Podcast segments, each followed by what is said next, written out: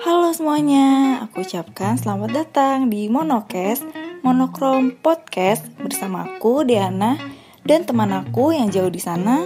Aku Aryo.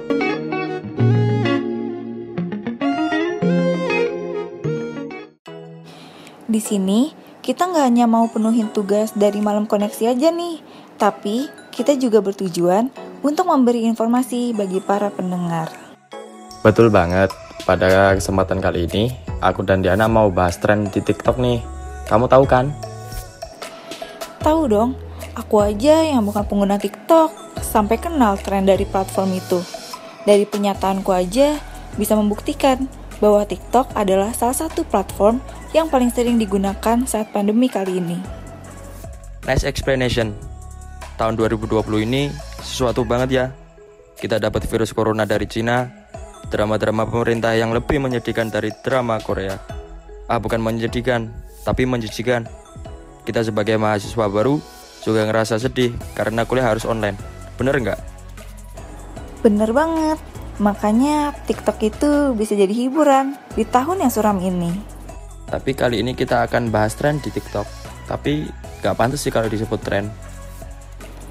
Emang gimana sih? Bagus kok video-videonya. Ada yang pakai efek gitu, ada yang jadi cosplayer, ada ratusan tips and trick, ada yang cerita pengalaman, sampai tempat sambat. Pokoknya banyak lah yang bagus-bagus. Hidup ini pasti ada sisi positif dan negatifnya. Apalagi perkembangan teknologi seperti TikTok ini. Semakin banyak pengguna dengan jutaan karakter itu, pastinya kita tidak akan terlepas dari namanya dampak buruk. Oh, aku ngerti dan baru sadar juga beberapa bulan terakhir ini banyak tren yang gak patut dikatakan tren dan gak patut juga menjadi trending topik. Nah, itu tahu. Banyak banget loh yang kayak gitu di TikTok. Mirisnya, konten yang mencari sensasi lebih banyak menarik perhatian. Kayak video viral masuk mall naik mobil itu. Itu beneran ada orang masuk ke mall? Naik mobil? Literally masuk gitu? Kok bisa ya? Dikasih embel-embel mobil anti covid lah. Yang menjadi pertanyaanku, emang gak ada penjaganya ya? Itu kan di mall. Setidaknya adalah petugas dari mall itu yang ngeberhentiin dia. Hehe, H, jangan percaya dulu. Nah, dulu pas pertama kali lihat, aku juga hampir percaya. Tapi, eh ternyata ada lanjutan videonya. Dan itu tuh cuma gimmick iklan tepung yang hadiahnya mobil itu. Gak habis pikir sih, kenapa gitu loh cara promosinya kayak gitu. Gak ada cara lain kah? Walau berhasil sih, dapat trending di TikTok berapa hari. Tapi ya nggak kayak gitulah. Nanti banyak yang niru hal buruk kayak gitu. Bener tuh yo, unik sih unik. Unik banget malahan. Tapi sayang, cuma jadi buat sensasi doang. Terus yuk, ada video lagi nggak? Kok aku jadi makin tertarik ya? Wow, tentu banyak. Aku cari di stokku dulu. Lah, kamu punya stok sendiri? Astaga, Dasar bulus. Lumayan, batas supan. Kalau gabut bisa dilihat. Nih, ketemu lagi nih. TikTok yang isinya ngancurin kebun kopi. Sampai masuk portal berita lo. Wah, itu parah sih. Mereka gak mikir dulu apa pas buat konten itu. Itu kan kebun kopi ya. Berapa lama coba buat bisa tumbuh segitu? Belum dikasih pupuk, dirawat, disiram, dijaga juga. Terus tiba-tiba ada tiga anak yang entah dari mana datang terus buat video TikTok tiduran di atas tanaman kopi. Ya cuma buat sebatas popularitas di TikTok doang.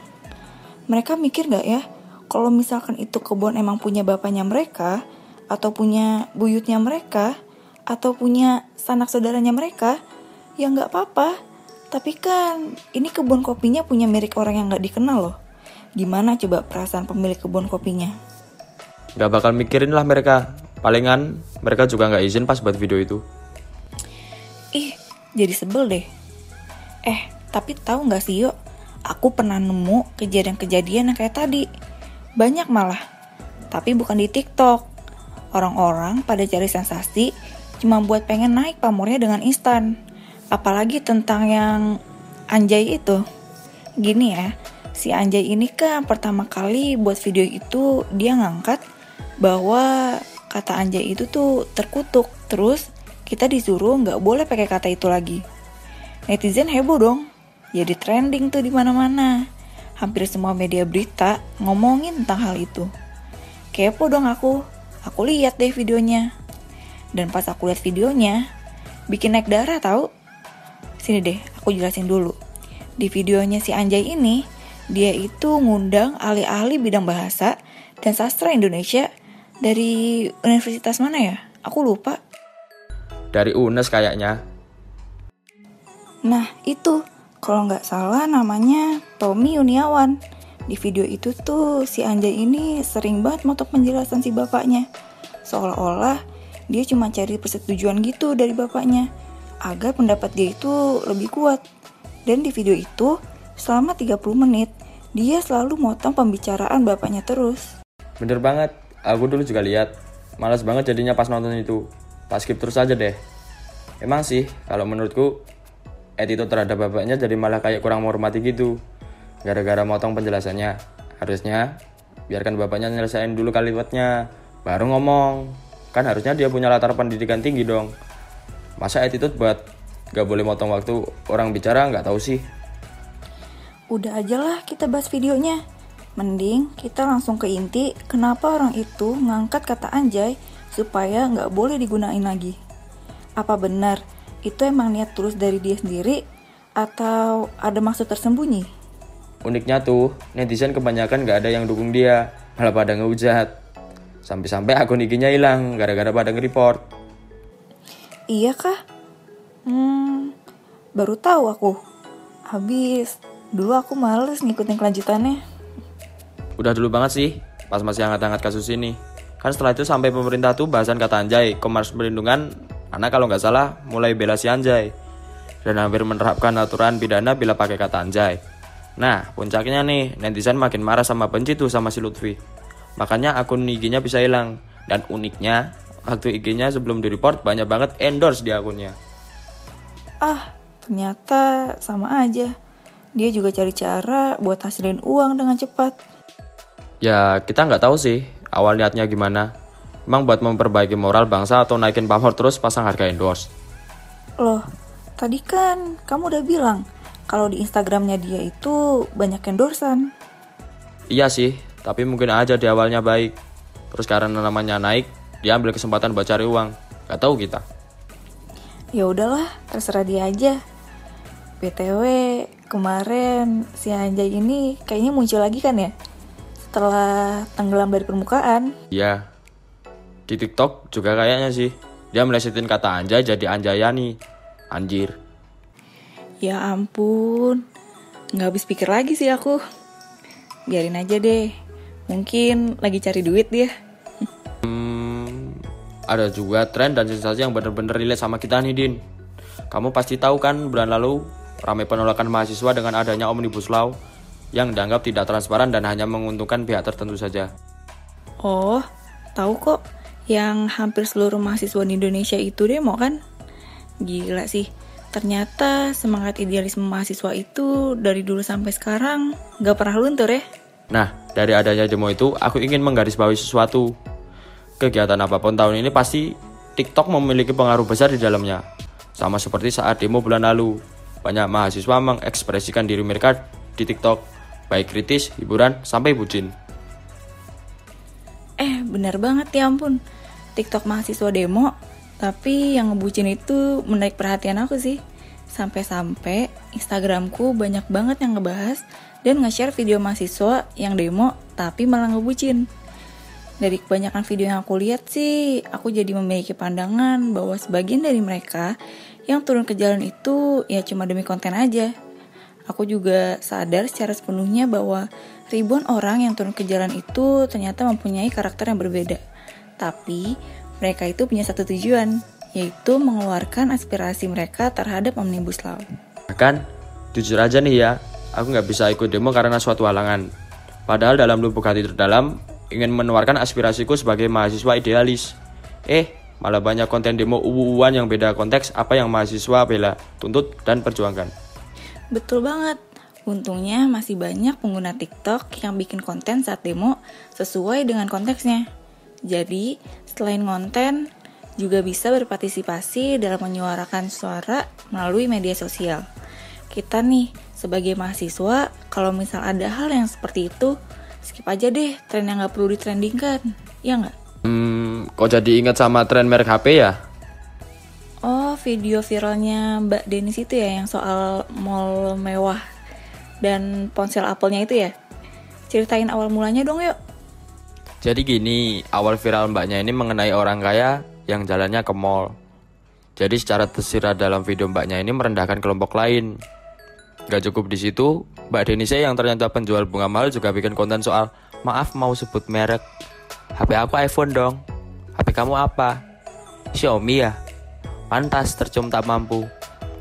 Dari kedua video di atas jadi bahan perbincangan publik sih. Banyak pro kontra mengenai stratifikasi sosial tersebut. Yang menurut sih, alasannya kebebasan pribadi Mbak Denise mau upload apa aja. Sementara yang kontra menganggap video viral yang dibuat Denise cadel ini tak bermoral dan justru menjadi contoh untuk ajang pamer kekayaan dan budaya merendahkan. miris banget ya sampai ada orang yang bikin konten tapi nggak mikir dulu gimana dampak konten itu yang bakal dilihat sama jutaan orang. Aku pernah lihat tuh dari video Mbak Denis ini jadi mulai banyak konten yang bermaksud nyindir Mbak Denisnya. Tapi niat aslinya malah pamer harta kekayaannya. Bahkan dari anak-anak sampai remaja itu pun ikut tren merendahkan seperti itu. Ini udah dalam tahap yang nggak bisa ditoleransi sih masalah yang kayak gini makin gak bermoral nanti anak bangsa kalau hal viral yang gak bermanfaat gini malah ditiru Setuju banget sama tanggapanmu. Sekarang itu kita sebagai pengguna mencari hiburan perlu pinter milih konten mana yang akan kita lihat dan kita tiru. Apalagi media sosial era sekarang berdampak besar banget kan ya. Jadi dapat disimpulkan masalah konten negatif tapi menjadi tren mulai dari mobil masuk mall, kebun kopi, sensasi kata anjay, demo dan kasus Mbak Denise itu jadi pembelajaran buat kita semua. Jangan karena viral kita jadi ikut-ikutan atau meremehkan sih. Hal ini jadi reminder buat aku dan kamu juga sih. Kita apresiasi dan ramekan konten yang bermanfaat untuk kalayak umum dari sekarang. kita ngomong kayak gini jadi introspeksi diri kita sendiri ya aku juga berharap sih para pembuat konten jangan asal-asal ngikutin tren karena nggak semua tren pantas dikatakan tren dan menjadi viral oke deh sepertinya pembicaraan kita cukup sampai di sini aja dari kamu sendiri ada tambahan gak yuk Untuk para pendengar semuanya, tetap patuhi protokol kesehatan dan cari hiburan bermanfaat untuk menghilangkan penat. Terima kasih. Kalau begitu, aku akan tutup sekalian ya. Aku Aryo dan Diana dari Sky News, pamit undur diri. Terima kasih untuk para pendengar yang telah setia mendengarkan sampai sesi penutup. Bye. Eits, tapi jangan pergi dulu. Podcast ini kan sebenarnya tugas kelompok. Jadi, kita nggak cuma berdua aja nih. Tapi ada teman-teman kita yang udah ngebantuin kita dari balik layar. Nah, ini ada kesan dan pesan dari mereka waktu buat podcast. Halo, aku Diamita. Sebagai salah satu anggota Sky News, saya merasa bahwa setiap penugasan itu berat kan ya, soalnya ini kelas online, serba online, nggak bisa ketemu langsung, jadi komunikasinya hmm, tidak bisa seefektif seperti saat kita bisa bertatap muka. Nah, untuk itu menurut saya eh, podcast kali ini tuh benar-benar butuh kerjasama yang hebat antara anggota sehingga dapat menghasilkan sesuatu yang baik dan maksimal. Nah, menurutku sih ini benar-benar suatu tantangan baru kan ya. Dan juga aku mau berterima kasih banget buat teman-temanku hmm, telah memberikan ide dan pikiran serta tenaga waktu buat nyelesain tugas ini. Nah, untukku dan yang lain aku merasa sangat-sangat berterima kasih dan juga aku harap mm, kita dapat bekerja sama terus dan menjadi lebih akrab mulai sekarang dan ke depannya. Halo, aku Anin. Untuk tugas podcast ini pasti nggak enaknya karena kuliah online, jadi kita nggak bisa kerjasama secara langsung. Jadi kayak cuman dengar suara temen-temen yang jauh di sana dan aku di sini. Tapi seru sih karena bisa belajar tentang podcast dari sekarang.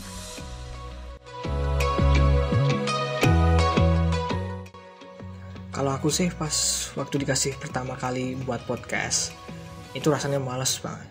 Ya karena waktu itu kegiatannya baru numpuk banget sih. Kayak ada UTS terus ada kegiatan UKM juga yang screening terus atau kegiatan yang lain presentasi di UKM tapi pas waktu kita mulai buat podcastnya manfaatnya banyak juga sih. Uh, kita dapat ilmu bareng-bareng pas kita buat podcastnya cara kita buat podcast terus kenalan baru juga uh, mereka juga sangat gimana ya mudah banget diajak kerjasama juga. Jadi nggak ada lika-liku lah pas buat podcast jadi gampang lah. Terus apa lagi ya? Udah sih uh, pokoknya mantap jiwa lah. Dan juga ini sih kayak project podcast pertama kita bareng-bareng satu kelompok sih. Sama aku juga belum pertama kali buat podcast kali ini jadi Semoga dinikmati.